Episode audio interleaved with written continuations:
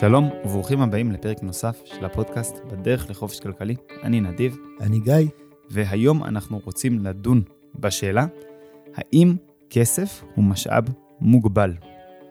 כן, אני חושב ששנינו בגילאים צעירים מאוד הרגשנו שכסף הוא משאב מוגבל. דיברנו על זה גם uh, לפני כמה פרקים. והיום אנחנו מבינים שכסף הוא לא משאב מוגבל, ואנחנו רוצים להסביר למה אנחנו חושבים ככה, ומה המשמעויות של זה להתנהלות שלנו בחיי היום-יום. עכשיו, אנחנו יודעים שהרבה דברים יכולים לשמש כ- ככסף, זה יכול להיות כסף פיאט, כסף של המדינה, ביטקוין יכול להיות כסף, במקום מסוימים אולי זהב, אולי פחיות טונה. אני רוצה ששנייה אחת, לטובת השאלה הזאת, אנחנו נדמיין עולם שבו כל תושבי העולם מסכימים שהכסף היחיד שמקובל עליהם ככסף, כאמצעי חליפין, הוא אך ורק ביטקוין, בסדר?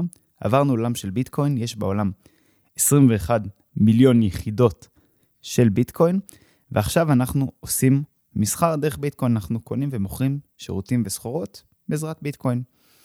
גיא יום אחד מקים איזשהו מפעל של משהו שכולנו ממש צריכים, וגיא שואב את כל הביטקוין מהעולם. בסדר? מה שבעצם קורה זה שכל הביטקוין של כולנו שילמנו לגיא עבור אותו אה, סחורה, אותה סחורה שהוא מייצר, ובארנק הדיגיטלי של גיא יש היום 21 מיליון ביטקוינים, ולכל שאר אנשי העולם המסכנים אין כסף בכלל. ותזכרו, ביטקוין הוא הכסף היחיד, ואנחנו רוצים לבחון כיצד הכלכלה תתנהל בסיטואציה הזאת, כשכסף הוא משאב מוגבל, והוא כל כך מוגבל שהוא גם נלקח ונמצא רק בידיים של בן אדם אחד. עכשיו בואו נדמיין מצב שאנחנו ב- בתוך אותו עולם אכזר וקר, ואני יזם נדל"ן, ואני עכשיו רוצה לבנות מגדל אה, דירות למגורים בתל אביב. עכשיו, אני יכול לבוא לבעל קרקע בתל אביב ולהגיד לו, בוא נעשה עסקה כזאת. אין לי כסף. כל הכסף בעולם זה רק ביטקוין, ולכן אין לי, זה הכל אצל גיא, ואני רוצה לבנות על המגרש שלך מגדל. בוא נעשה עסקה כזאת. אתה תיתן לי את הקרקע, ואני בתמורה, אחרי שאני אבנה את המגדל שלי, אקצה לך עשר דירות, והן יהיו שלך. וזאת העסקה שלנו, והוא מסכים בעל הקרקע, ואני נותן לו שטר, אוקיי?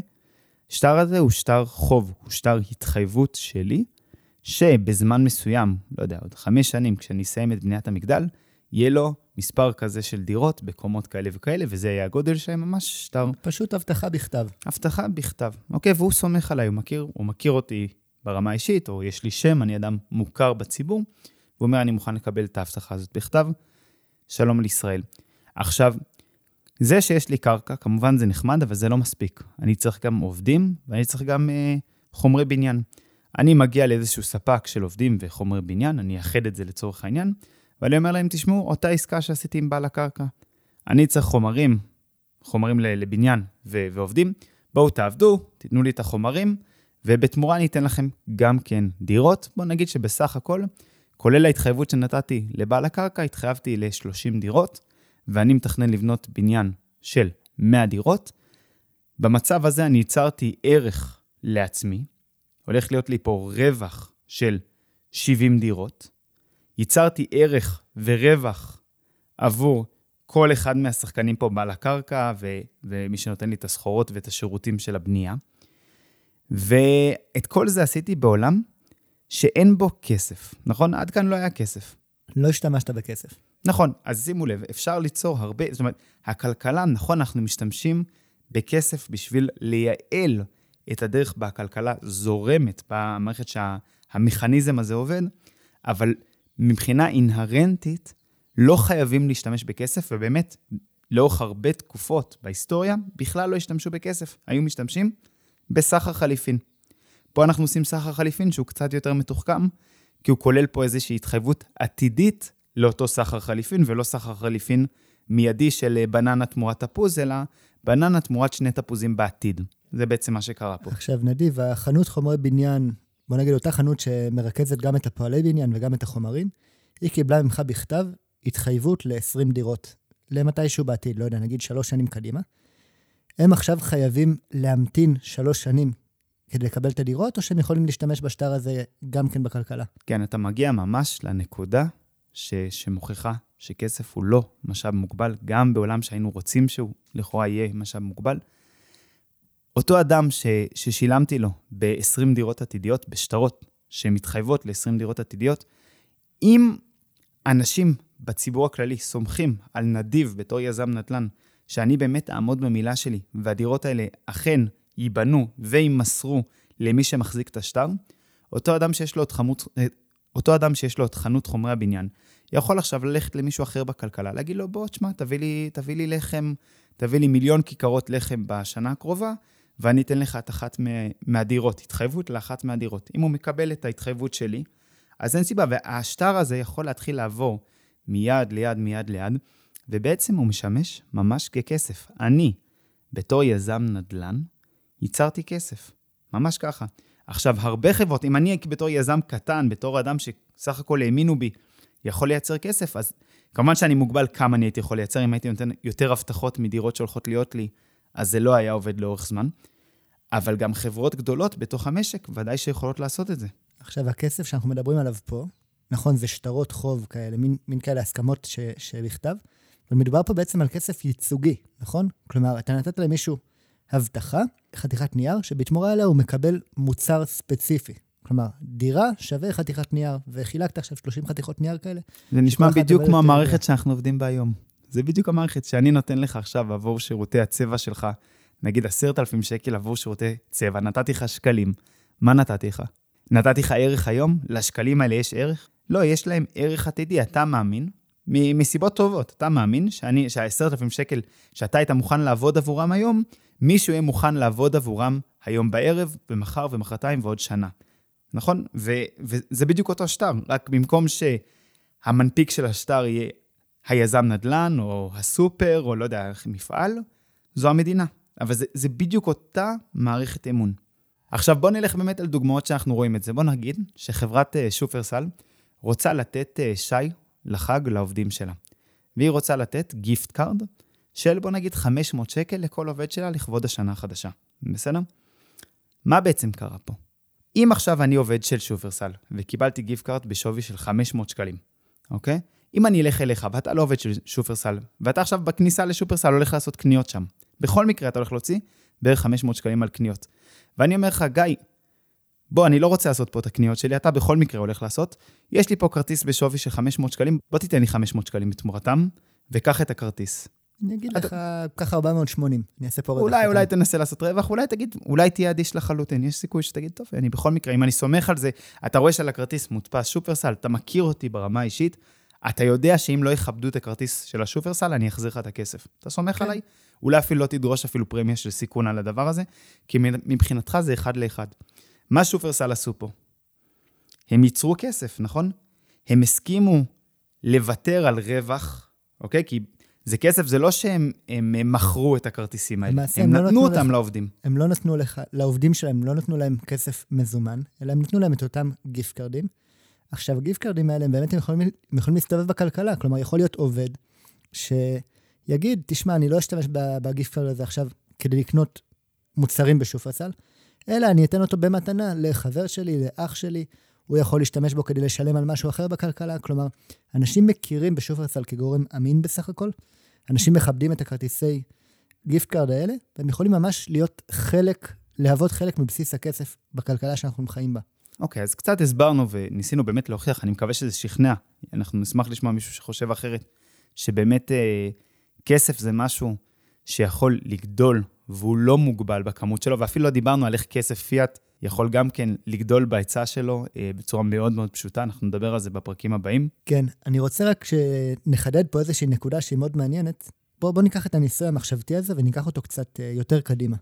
ובוא נגיד ששופרסל עכשיו לא מחלקת אה, כרטיסי גיפט קארד כאלה רק לעובדים, אלא היא גם משתמשת בהם כדי לשלם לספקים שלה.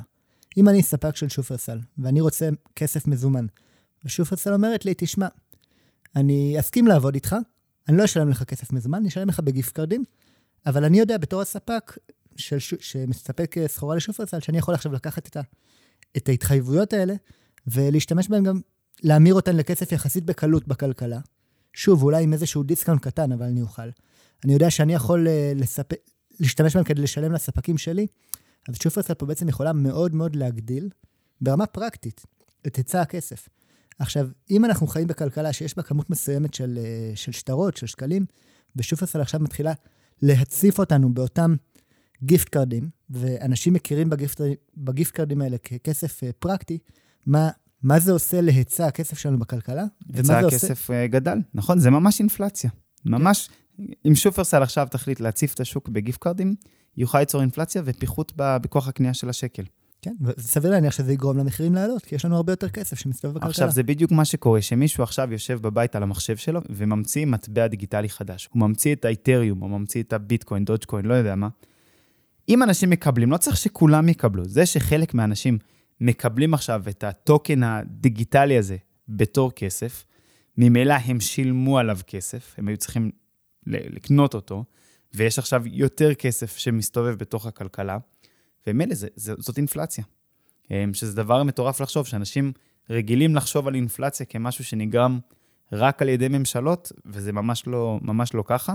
אנחנו מן הסתם גם נדבר על זה בפרקים בהמשך. גיא, מה, מה ההשלכות בפועל? כאילו, מה, מה אני אמור לקחת מההבנה הזאת? מה אתה לוקח מההבנה הזאת? אני לוקח מההבנה הזאת שני דברים בעיקר.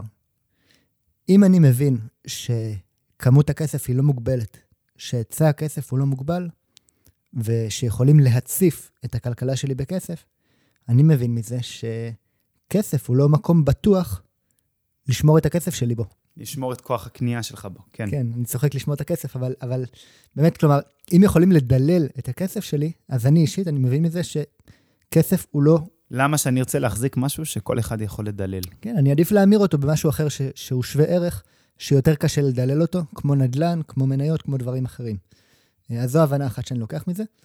הבנה אחרת שאני לוקח מזה, היא שאם אני יכול לייצר כסף כזה בעצמי, וכל מה שאני צריך זה שאנשים יסמכו עליי, ואני צריך להיות מסוגל לתת ערך בתמורה לאותו כסף שאני מייצר, אז זה פותח לי את הראש להסתכל על הזדמנויות עסקיות שאולי אין לי את הכסף אליהן היום, אבל אני יודע שאם אני, אני אוכל לשכנע אנשים, כמו אותו יזם נדל"ן, בדוגמה שהבאת, אני יכול לשכנע אנשים בכדאיות של העסקה שלי, אז אני יכול לעשות דברים כאילו יש לי מיליארדים. אם אני אצליח להראות לאנשים איך הם מרוויחים מזה, ואיך אני מרוויח מזה, ואיך כולנו מרוויחים מזה, ובעצם כסף הוא לא משאב שמגביל אותי.